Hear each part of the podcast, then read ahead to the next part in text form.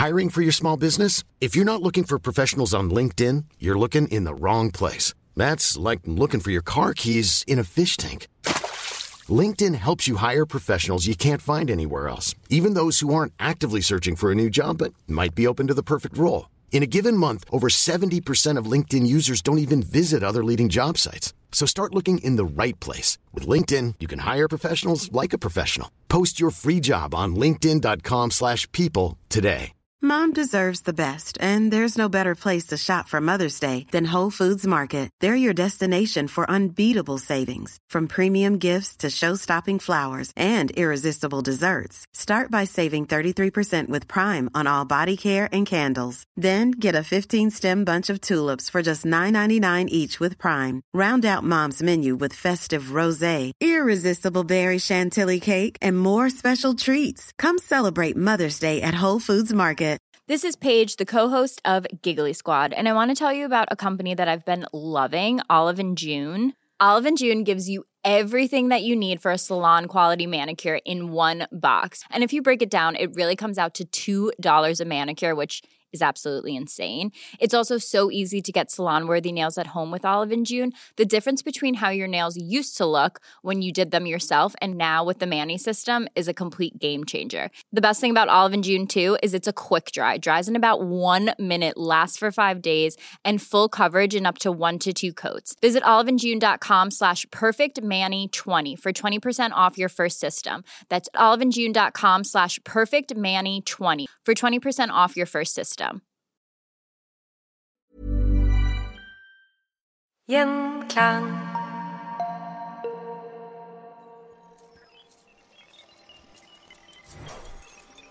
Når du som lytter hører på denne episoden, hører du den sannsynligvis via en app på en mobiltelefon. Da du klikket på episoden på appen på mobilen din, la oss eksempel si at det var Spotify, sendte den en beskjed til en annen maskin, som sannsynligvis er i et helt annet land, kanskje et annet kontinent. Denne beskjeden, som en slags usynlig brevdue, tok omtrent et halvt sekund å reise den lange distansen. Og beskjeden er en rekke nuller og ett-tall. Tilsynelatende lik alle de absurd mange lignende beskjedene denne maskinen får tilsendt hele tiden. Denne beskjeden tolker maskinen til at du skal høre på akkurat denne episoden. Og vips, her er vi. I en verden av milliarder av datamaskiner, sammenvevd som et nettverk som kan snakke til hverandre. Hvordan i alle dager har vi fått til dette? Med meg for å snakke om internetts historie har vi prorektor Harald Øverby fra Handelshøyskolen BI. Velkommen. Tusen takk. Har du en relativt enkel definisjon på hva internett er? Internett det er eh, nettverk av nettverk. Altså et nettverk som kobler sammen alle de små nettverkene som vi har i verden, eh, og som muliggjør kommunikasjon av data over hele verden. Det er eh, etter min mening den mest kompliserte teknologiske installasjonen vi noensinne har sett i menneskeheten. En utrolig kompleks sak, både teknologisk, men også samfunnsmessig og økonomisk. Litt mer avansert enn hjulet. Et par hakk mer avansert, ja. Når begynte man å tenke på muligheten for noe som i det hele tatt kunne ligne på internett? Jeg tror man må tenke på at det er minst to ulike typer baktepper her. Det ene er et teknologisk bakteppe, og det andre er et sånn samfunnsmessig bakteppe. Etter andre verdenskrig og utover 1950-tallet så fikk vi en kald krig. Ja. Det ble en teknologisk rivalisering, spesielt mellom Sovjetunionen og USA. Og USA fikk jo seg et sjokk når det var en månelanding i 1959, Luna, som Sovjet hadde. Første person i verdensrommet, Juri Gagarin. og dette her gjorde jo at USA tenkte nå, dette her går ikke an. Vi må være på banen og være først ute med den nye teknologien. Det lå også en atomtrussel over hele verden, Mm. det som var den kalde krigen, i og med at begge disse stormaktene hadde atomvåpen. Så der sto vi, som samfunnsmessig, veldig kort oppsummert. Teknologisk så hadde vi fått eh, oppfinnelsen av transistoren i 1947. 23. desember. Litt av en julegave Ja. til verden. For det er transistoren som er hele starten på det digitale verden og det digitale eventyret. Da fikk man utvikla eh, datamaskiner og alt det der som kom utover 50- og 60-tallet. Og datamaskiner på den tiden var jo ikke små PC-er og bærbare laptoper som vi har i dag. Det var jo kjempestore installasjoner. Ja, fylte rom. Helt rom. Helt fylte hele rom, ikke sant? Og, som, eh, og Kjempestor strømforbruk, og de, jo, de hadde jo knapt noe prosessorkapasitet i forhold til de maskinene man hadde i dag. Så der sto vi, i en verden hvor man hadde eh, fått den digitale teknologien, den var klar til å utvikles, og vi hadde en kald krig, og vi hadde et USA som var villig til å bruke mye penger på å satse og forske for å sørge for at de var eh, den sterkeste teknologiske nasjonen i hele verden. Og da putter de penger i et uh, prosjekt som het ARPA, var det det? Ja, et prosjekt som het ARPANET. Og grunnen til at man gjorde det, det er jo i stor grad takket være en person som heter JCR Lickleader, en amerikaner, som var utdannet eh, både psykolog og teknolog. Han hadde et visjon om det som, vi, det som han da kalte et intergalactic network. Dette var i 1962. Det er Eh, tidlig. Det er tidlig. Eh, han var visjonær, og det han så og det han skrev om i den artikkelen sin, og de, de, de tankene han hadde, det er ikke så veldig ulikt det internett som vi ser i dag. Og Der starta det, og han satt på en stor pengesekk, for han var også forskningsdirektør i det amerikanske forsvaret, Aha. og kunne styre da mye av hvor pengene skulle gå. Og Han tenkte at dette må vi klare å bygge. Dette var i 1962. Men for å klare øh, å, å takle den intellektuelle og ingeniørmessige eh, biten og utfordringen som lå i å bygge dette her, så kontaktet man flere universiteter i USA eh, for å være med på den reisen. Eh, og det var fordi at eh, der lå kompetansen på en del av den grunnleggende teknologien som man trengte for å bygge dette. Men ARPA står for da Advanced Research Projects Agency. Var det da eh, militært, først og fremst, med tanke på den kalde krigen? Ja, det var et militært prosjekt, eh, og det skal man ikke komme unna. Eh, Internett startet som et militært eh, utviklings- eller forskningsprosjekt i det amerikanske militæret. Og mye av de ideene og tankene som, som måtte underbygger internett, det kommer fra egentlig to karer. Det er Paul Barran, amerikaner, og Donald Davis, som er brite. Paul Barran var opptatt av den militære delen av det her. Han ville bygge et nettverk som kunne motstå atomangrep. Mm. Eh, hvordan klarte man da i en kald krig og hvis det kom trusler utenfra, å ha et nettverk som var eh, resilient, altså robust, pålitelig, hvis man fikk angrep mot det? Donald Davis han var brite og tenkte litt annerledes. Han ville bygge et nettverk for å kunne dele på ressurser. Fordi disse datamaskinene som vi sa, de var jo så store og dyre. Mm. Og det var ikke sånn at du kunne ha et sånt i hver by. Det måtte kanskje bare være ett eller to i, i, i nasjonen. Men det er veldig mange som ønsket å bruke de. Og For å bruke de så måtte man reise der langt inn for å ta med sine data på ofte store sånne hullkort eh, og eh, magnetiske teiper. Eh, Men man tenkte da hvis man klarer å bygge et nettverk og kan sende disse dataene over et nettverk, så kan man dele disse computing-ressursene på en helt annen måte. Og begge de hadde da tanker om et internett med litt ulik type standpunkt. Men de hadde felles mål. Felles mål, felles tanker, og de hadde skisser til hvordan det kunne være, men de, de, de hadde jo ikke de økonomiske musklene eller organisasjonen til å realisere det. Og det er her Lickleader kom inn, siden han satt da som forskningsdirektør og kunne si at dette skal vi bygge, dette skal vi få til. Og så satte han en prosjektorganisasjon som hentet ideer både fra Baran og fra Davis, eh, og utvikla da eh, et prosjekt med som mål å bygge ARPANET, det første eh, kommunikasjonsnettet. Og hvordan fungerte da deres teori, eller hva, i praksis? Ja, I praksis så, Man hadde jo kommunikasjonssystemer lenge før det her. altså Man hadde jo telefoni, man hadde telegraf. altså Det fungerer med en teknologi som kalles linjeswitching. Den er veldig tilpasset at man skal ringe til hverandre, to parter. Jeg skal ringe til deg, f.eks., Mm. og vi setter opp en forbindelse som sikrer at dataene, informasjonen, kan flyte mellom oss. Sånne gamle filmer med sånn opera- operasjon, nei, sånn operatører, holdt på å si, telefonoperatører? Akkurat, akkurat sånn det var. I dag så er det Man bruker jo samme teknologi i deler av nettet i dag også, men eh, da er det jo digitalisert, og det er jo automatiske switcher. Men i gamle dager så var det disse telefonswitchesentralene hvor man switcha eh, samtalene sammen. Men eh, det passer fint hvis man skal sende, hvis man skal benytte det til samtaler og tale. Mm. Men skal man benytte å sende data, så må, du, må man ofte tenke på en helt annen måte. Man må prøve å gruppere dataene i det vi kaller små pakker, små informasjonsenheter. Tenk på det på en måte som et postkort eller et brev, hvor du legger en et, eh, en viss mengde tekst nedi, mm. og så skriver du mottaker, og på baksiden avsender, og så legger du en måte i en postkasse. Og den blir da sendt fra liksom transportpunkt til transportpunkt helt til du når frem til mottakeren. Det er analogien. Mm. Så du sender, du lager data i en digital pakke. Eh, Det kan være for eksempel innholdet i en e-mail.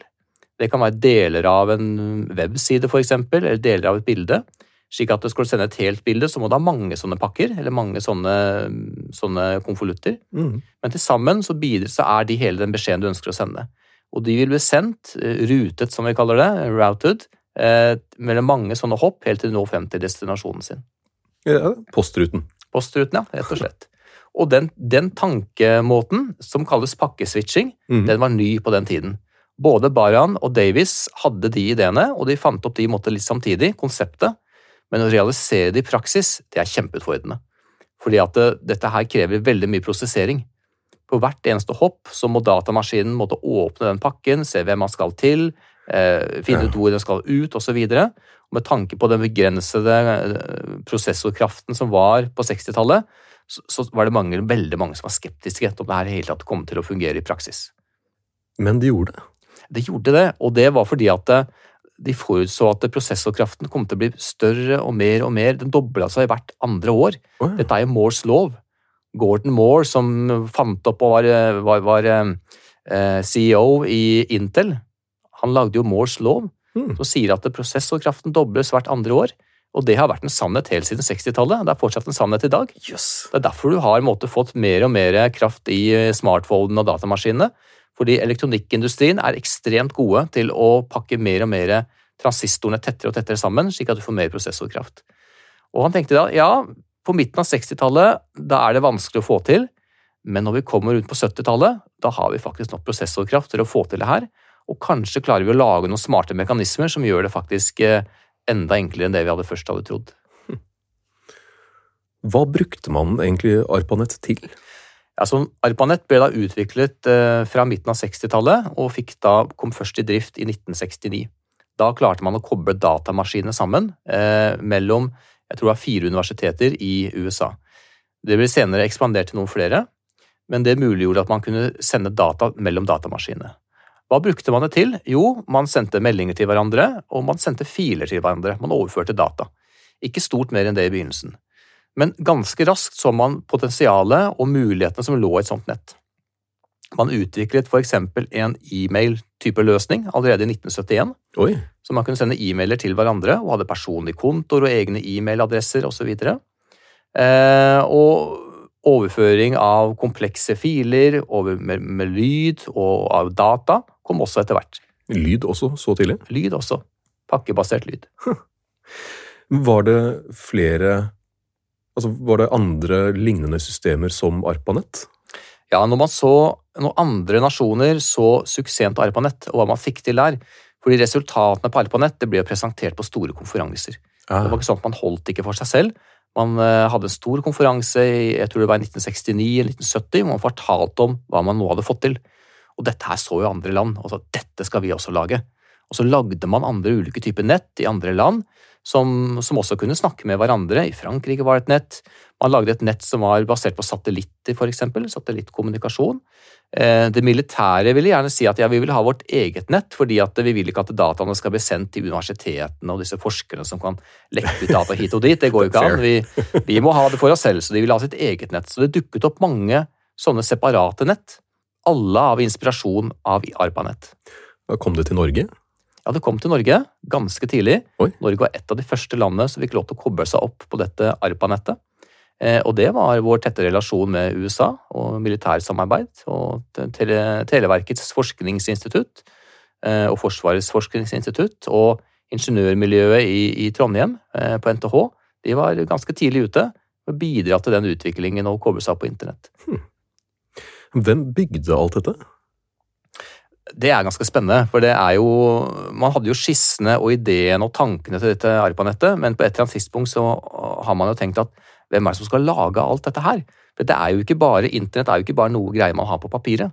Det er jo store, store maskiner, datamaskiner, masse programmeringskode som skal lages. Det er jo enormt ingeniørarbeid som ligger bak det. Og da leide man inn et firma som het Bolt Buranek Newman, BBN, til å bygge store deler av internett. De første nodene, for eksempel. Men de var også involvert i å bygge e-mail. Så e-mail var egentlig funnet opp av dette firmaet.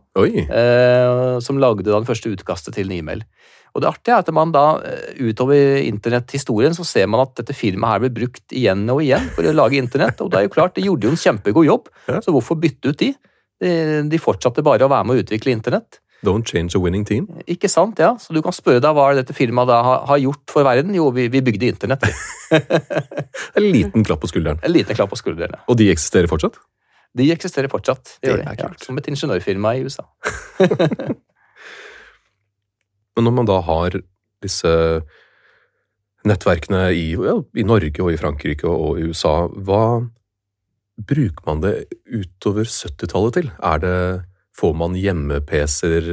Er det fortsatt gigantiske datahaller, eller? Ja, det er fortsatt store datahaller. Eh, den eh, PC-en, The Personal Computer, har ikke kommet ennå. Den kom på slutten av 70-tallet. Eh, så på begynnelsen og midten av 70-tallet så var man ikke i en situasjon hvor man hadde datamaskiner hjemme. Men man så et behov for å knytte disse ulike nettene sammen. Man ville gjerne at de også kunne samvirke og sende data seg imellom, der hvor det var behov, mellom nasjonalnettet i Frankrike og USA f.eks. Og det er her man først støter på ordet internett, altså et nettverk av nettverk. Man ønsket å samle disse nettverkene i ett nett. Eh, og da var det jo da eh, Surf og Khan, som var da to akademikere fra USA, som var sentrale i å utvikle det vi kaller TCP-IP-protokollen, eller IP-protokollen, som er en måte Eh, og bygge, koble sånne nettverk sammen med på. Og dette er jo også teknologi som man benytter i dag. IP-protokollen og TCP benyttes i dag, eh, uten de altfor store endringene fra slik som de skisserte den protokollen og vi lanserte den i 1974. For det er da en, en slags adresse? Her er du sånn IP-adresse, er det akkurat, akkurat, det det er. Det er adresseringsskjema. Så IP-protokollen, da er det en, måte en adressering, og da får du også inn denne DNS-serveren, som kanskje noen kjenner fra når man skal koble seg opp mot, på internettet fra, fra PC-en sin. Mm. Eh, en måte å kunne eh, finne maskiner igjen på internett på. Da. En adresseringsskjema. Akkurat som man har adresser for en eh, postadresse, f.eks., så har man tilsvarende IP-adresse eh, på internett. Så da kunne det franske systemet og det amerikanske systemet snakke sammen, eller? Ja, det lå da muligheter for å få til det her. Så brukte man ti år på helt tatt å få det her ut i praksis. Oi.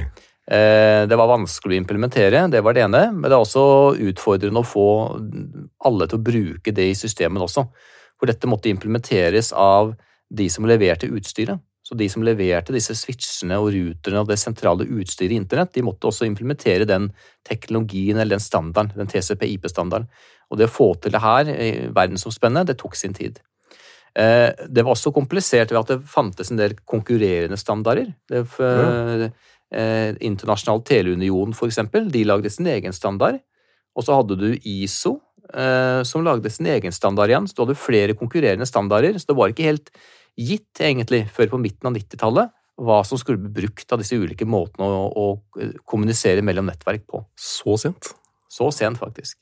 Og da må vi nevne en eh, herremann ved navn Tim Berners-Lee, som jobbet på CERN da han fikk en genial idé. Ja, det stemmer. Dette var i 1991, eh, og Tim Berners-Lee han er jo oppfinneren av The World Wide Web. For det er ikke det samme som internett. Nei, Det er veldig forskjellige ting. Eh, internett hadde jo eksistert i 20 år, det, før World Wide Web kom på banen. Så World Wide Web er jo egentlig bare en tjeneste, på lik linje med e-mail eller filoverføring f.eks., som bruker internett. Ja, det er veldig rart å tenke på. Man tenker ofte at det er akkurat det samme.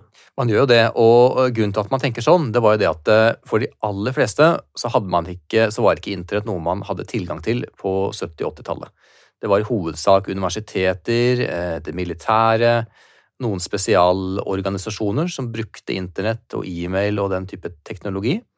Men det er først når du fikk World Wide Web eh, og billige PC-er som gjorde at du kunne få tilgang til weben hjemmefra. Mm. Eh, og for, andre, for, for, de aller fleste da så ble eh, internett det samme som World Wide Web. Det var det du brukte internett til. Så jeg skjønner veldig godt at uh, dette er uh, ganske sammenfallende uh, ord. Men hva, hvilken effekt hadde det For dette var 1991? Stemmer. Hvilken effekt, hadde det en automatisk effekt? Nå kunne alle se på kattevideoer på internett, eller? Det, det, tok sin tid, for å si det sånn, men det gikk, den utviklingen gikk veldig raskt. Og det var nok en kombinasjon med at PC-ene De første PC-ene kom på slutten av 70-tallet eh, begynnelsen av 80-tallet. Da var de fortsatt ganske dyre. Det var ikke sånn at eh, hvermannsen kunne kjøpe inn det og ha det hjemme. Mm. Men det ble det faktisk mulig på 1990-tallet. Da ble PC-ene såpass billige at man kunne ha de eh, hjemme hos seg selv. Samtidig fikk vi World Wide Web. Samtidig begynte telekomoperatørene å tilby internettilgang hjemme til en overkommelig pris. Så hele totalpakken, at det utstyret du trengte for å bruke internett, ble såpass billig, i den vestlige verden i hvert fall, Eh, samtidig som du fikk eh, World Wide Web, gjorde at du fikk en eksplosjon av websider. Eh, og da kom det kommersielle, og da kom bedriftene ut der. Og det tok ikke mange år før dette her ble noe som alle skulle ha. Når kom det til Norge? World Wide Web. Mm. Jeg vil tippe mm, kanskje 92-93, det aller okay. første. Mulighetene til å koble seg på World Wide Web.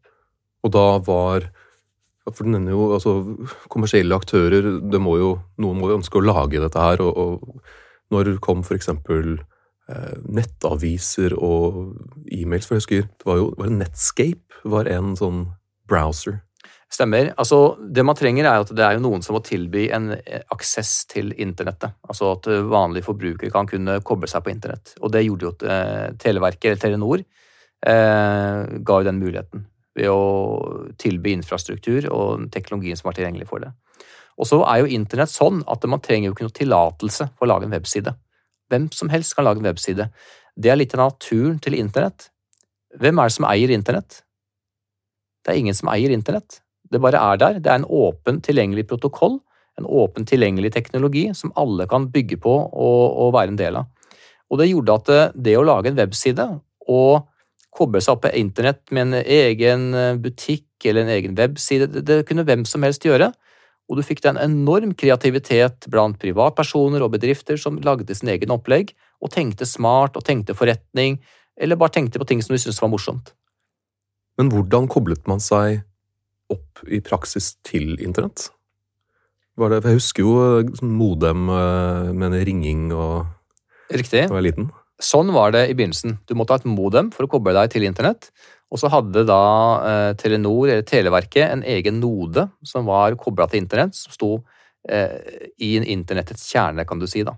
Så alt måtte sendes til den noden, som sendte det videre ut i nettet igjen.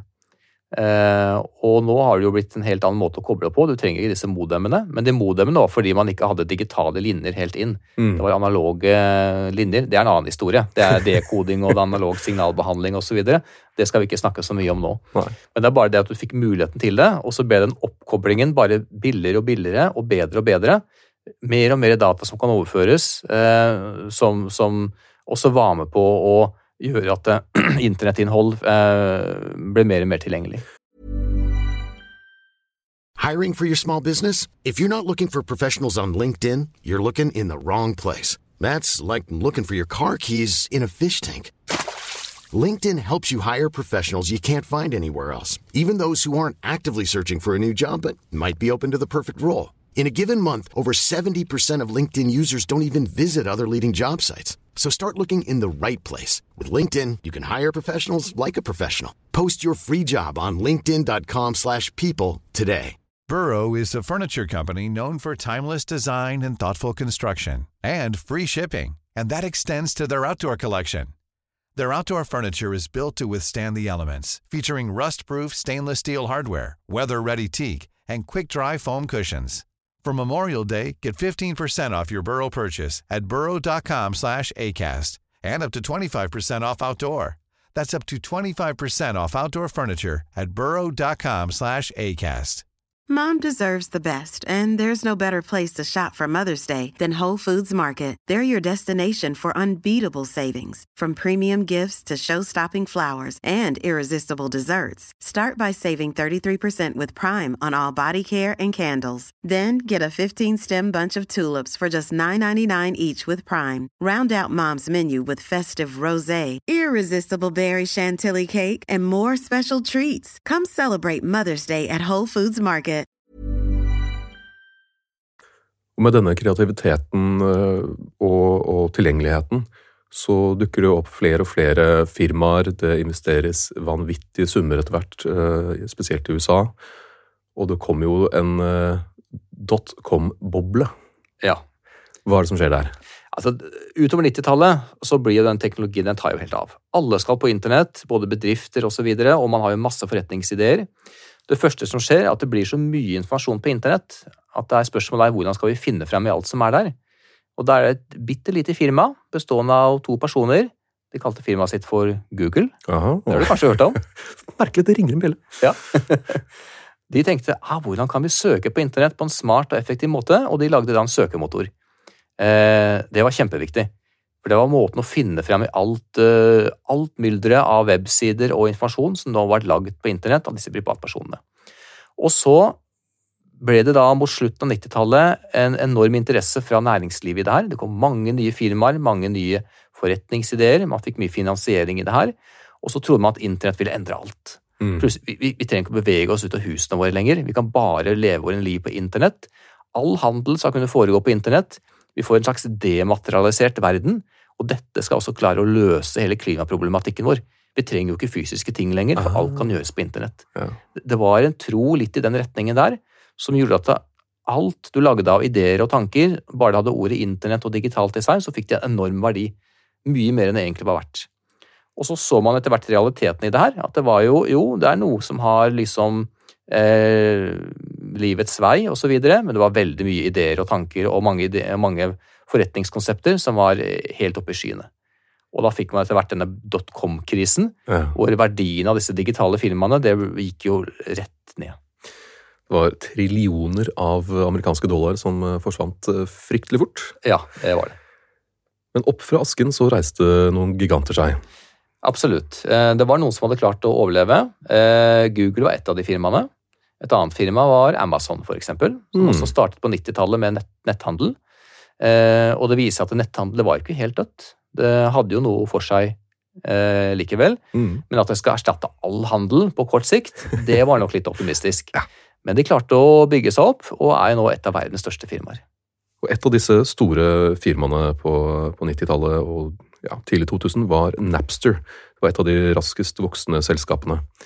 Og du nevnte at tidligere at internett var som det var fritt. Det skulle være eh, eh, fritt og demokratisk. Du skulle kunne gjøre hva som eh, helst. Men de lot deg laste ned musikk, ikke nødvendigvis helt lovlig. Hva, hva skjedde der? Altså det, det var også en konsekvens av internett, og musikkindustrien var jo en av de bransjene som først ble rammet av si, den teknologiske disrupsjonen som internett representerer. Eh, hva er egentlig musikk? Eh, for meg som er født på, på 70-tallet, så er det jo kassetten og CD-en. Det er noe fysisk. Mm. Men dette klarer du å konvertere til noe digitalt. Altså Det handler bare om å rippe CD-en, få MP3-filene, og så har du noe digitalt. Og man fikk jo programvare som raskt kunne gjøre det. Og så hadde du internett, hvor du kunne sende MP3-filer til hverandre. Mm. Og da fikk du plutselig fri distribusjon av musikk hvor som helst. Du kunne laste ned musikken din, du trengte jo ikke kjøpe den lenger. Gjett hvem som ble sure da? Det var jo artistene og musikkbransjen. Ja. Plutselig sluttet de å tjene penger. Og de kjørte da fullt på eh, med sine advokater og, det, eh, og, og, og rettsvesenet for å stoppe denne utviklingen. Og Napster det var jo et firma da som en plattform hvor man kunne laste opp og laste ned musikkfiler til hverandre. Mm. Eh, og dette her vil jo musikkbransjen stoppe.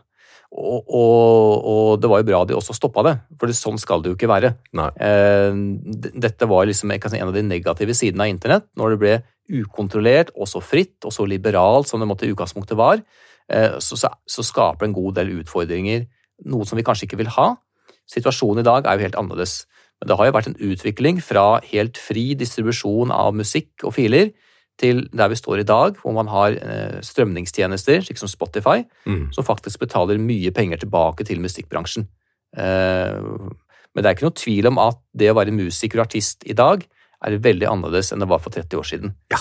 Eh, Vi betaler jo på en helt annen måte, og også inntektene totalt sett i bransjen har gått ned. Det er en konsekvens av internett. Men hadde man ikke stoppet firmaer som Napster for eksempel, så hadde det tallet vært enda lavere enn det er i dag.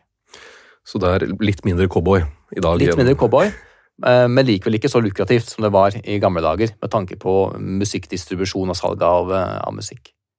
Alt skal jo opp i denne skyen i dag, dette værfenomenet. Hva er det egentlig? Internett cloud, eller skyen, det er jo en måte at du lagrer dataene dine ikke på din egen PC, men på en server, eller en PC kan du si, da, et helt annet sted. De må jo ligge lagra et eller annet sted. De ligger ikke bare lagra i en sky. Men du sier du ligger lagra i skyen fordi du har tilgang til dataene hvor som helst. Det er en kombinasjon at dataene dine ligger lagret i en stor server. eh, Det kan være i USA, det kan også være i Norge for så vidt. Men den serveren er alltid på internett, slik at så lenge du har tilgang til internett, så kan du finne dataene dine hvor som helst. Det er det som er skyen. Og det har gjort at man klarer å frikoble seg fra at dataene ikke trenger å være plassert akkurat der du har PC-en din eller på ditt kontor. De kan være egentlig hvor som helst. Og når begynte man med dette? Man begynte med dette her, jeg vil si, på begynnelsen av 2000-tallet. Eh, Det krevde at man eh, hadde såpass eh, god tilgang til internett, altså såpass høy overføringskapasitet, at det ga mening. Mm. Du måtte klare å overføre filene til og fra PC-en din fra denne skyserveren på en såpass effektiv måte. Og det, og det fikk man etter hvert utover 2000-tallet, når man fikk høyhastighetsbredbånd, bredbåndsteknologi. Mm. Jeg husker veldig godt den sensasjonen det var da jeg ble vist en iPhone for første gang. Hva, hvilken effekt hadde det egentlig på, på internett? Det hadde en kjempestor effekt på internett. Eh, eh, Smarttelefonen den kom i 2007. iPhone er eh, en av de ikke den som selger mest, men kanskje en av de mest ikoniske smarttelefonene man har i dag. Man har jo også smarttelefoner fra eh, Samsung, som benytter Googles Android-system f.eks. Men smartphone-teknologien har utro, utrolig mye for eh, internett. Fra internett ble kommersialisert på begynnelsen av 90-tallet, så har det i stor grad dreid seg om the world wide web som tjeneste. Alt lå på weben. Mm. Du kunne handle på weben, du kunne chatte på weben, du kunne lese aviser på weben. Alt var web frem til 2007. Da skjedde det noe. Okay. Du fikk smartphonen. Smartphonen eh, introduserte apper. Og app-økosystemet. Det at man kan lage apper og laste ned apper fra AppStore, for eksempel. Eh, og appene de er litt annerledes. De bruker ikke World Wide Web eh, som underliggende teknologi. De kommuniserer direkte på internett. Oh, ja. Så de representerte et skift fra viktigheten av World Wide Web som teknologi over til et app-økosystem. Eh, Og hvis du bruker i dag smartphonen din, og det er det du hovedsakelig bruker, og det er Netflix, det er Spotify, det er bankappen din, det er kanskje NRK-appen, så, så bruker du internett, men uten å bruke World Wide Web, eksempel. Så det har gjort at det, det ligger mye, eh, veldig mye av verdiene har blitt overført fra du kan si weben over til dette app-økosystemet. Eh, og firmaer som har vokst opp som følge av utviklingen av apper, det er f.eks. Apple, Ja. som har iPhone og Mac-en, men de har også AppStore, hvor det ligger tusenvis, kanskje millioner av apper. Eh, og det er jo en industri, for det er jo ikke Apple som lager disse appene. Det er jo andre firmaer og privatpersoner som lager apper. Det kan være spill, for eksempel, som andre laster ned. Så de har bare en plattform, en muliggjørende plattform som gjør at eh, folk kan lage apper, folk kan kjøpe og laste ned apper. Og den industrien der og den plattformen har vært utrolig mye. Og det er derfor Apple er det mest verdifulle firmaet i verden i dag. En annen eh, ting som eh, har eh, ja, blitt veldig stort eh, i internettsammenheng, er jo da sosiale medier. Hvilken, eh, hvilken påvirkning har disse hatt for, eh, for internett sin del? Stor påvirkning, og definitivt eh, noe som har gjort at internett har økt enda mer popularitet. Eh, Det var jo ganske fra tidlig av, allerede når man fant opp e-mailen i 1971, at man hadde mulighet til å kommunisere med hverandre. Men med utviklingen av det som vi kaller sosiale medier, så er det blitt tatt på et helt annet nivå. Vi tenker da på ikke sant, eh, Snap, eh, Facebook, Instagram, altså disse typer tjenester. Som gjør at man kan kommunisere med, med ord, med bilder, med video på helt andre måter enn du kan f.eks. via en e-mail. da.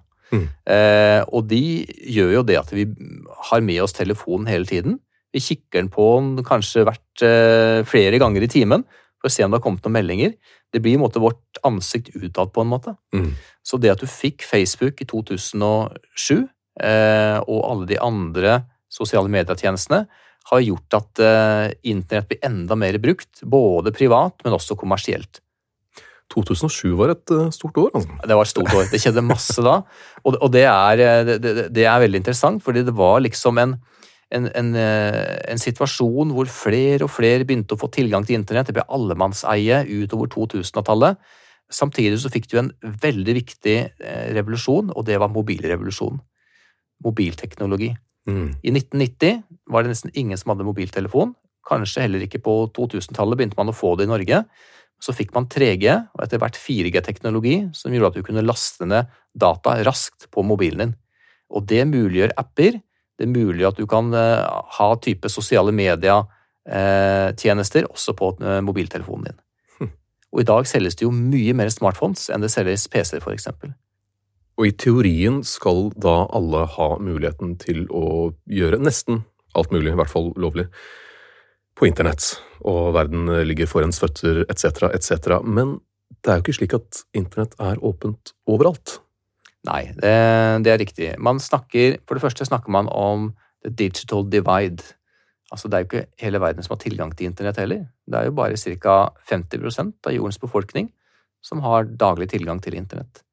Stor del av verden, av ulike årsaker, eh, har ikke tilgang til internett. Eh, og det er jo et stort demokratisk problem. Mm. Eh, man vet jo hva internett kan ha medført av mulighet for å kunne uttrykke seg og forretningsdrift osv. Eh, og det er klart, eh, det er en en, en, noe man gjerne vil få endret på.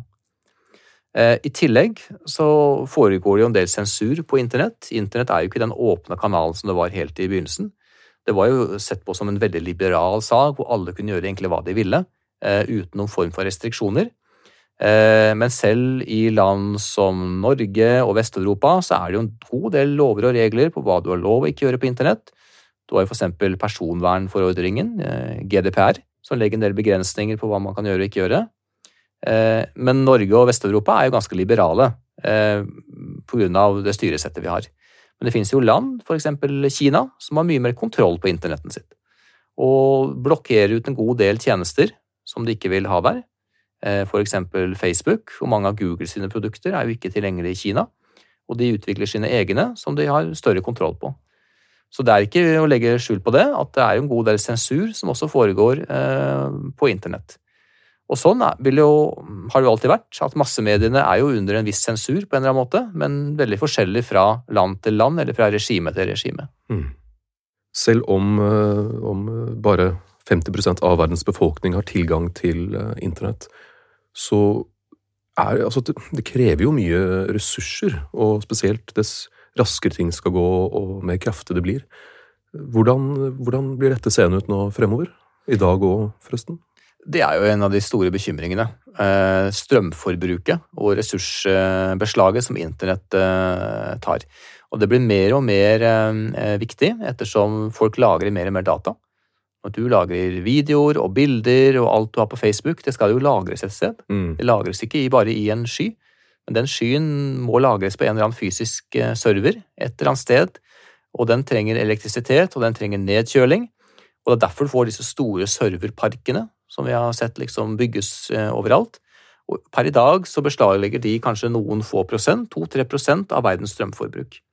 Men dette er jo forventa å øke ganske mye i fremtiden, rett og slett fordi folk lagrer mer og mer data. Så det er en problem at folk lagrer og tar bilder av alt mulig rart, og lager videoer og, av, av, mye meningsløse ting. Det skal fortsatt lagres. Der er skyldig, ja. ja. Det tror jeg vi alle er.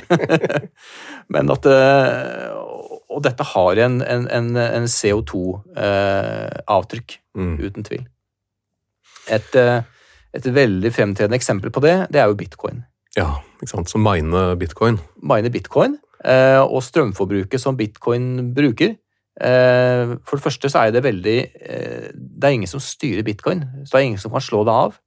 Det vil fortsatt eksistere så lenge bitcoin har verdi.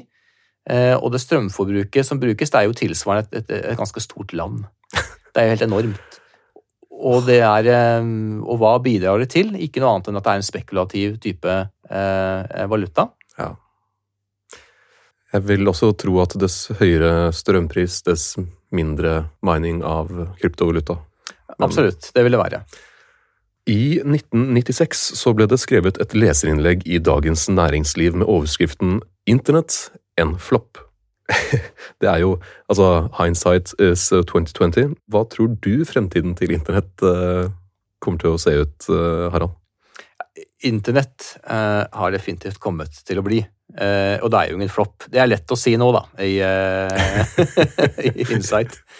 Men internett kommer til å utvikle seg, uten tvil. Vi har jo sett en utvikling fra World Wide Web-type teknologi til app og til mobil. Eh, eh, nå har vi jo en stor eh, måte, revolusjon innenfor AI-teknologi. Mm. Som kommer til å påvirke internett og hvordan vi bruker PC-ene våre og smartphonene våre. Og hva som er om la oss si 20 år frem i tid, er helt umulig å spå.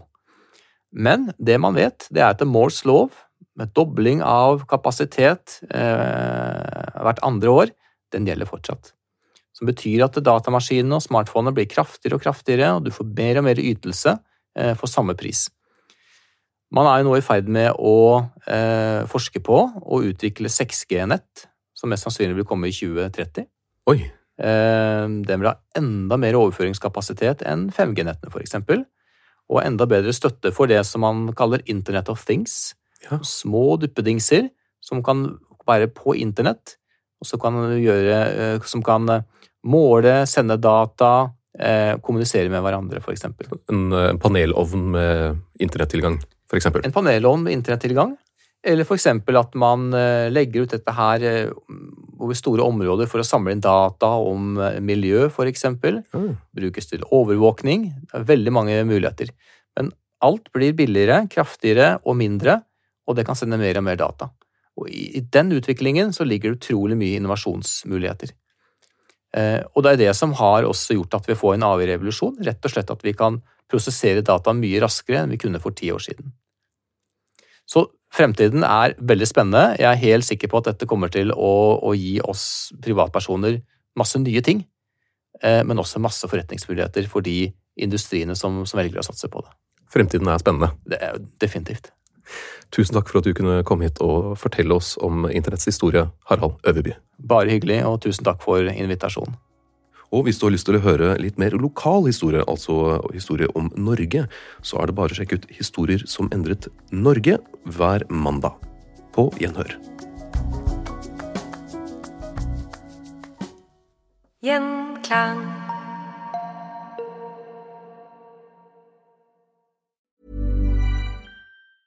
Mom deserves the best, and there's no better place to shop for Mother's Day than Whole Foods Market. They're your destination for unbeatable savings, from premium gifts to show-stopping flowers and irresistible desserts. Start by saving 33% with Prime on all body care and candles. Then get a 15-stem bunch of tulips for just $9.99 each with Prime. Round out Mom's menu with festive rosé, irresistible berry chantilly cake, and more special treats. Come celebrate Mother's Day at Whole Foods Market.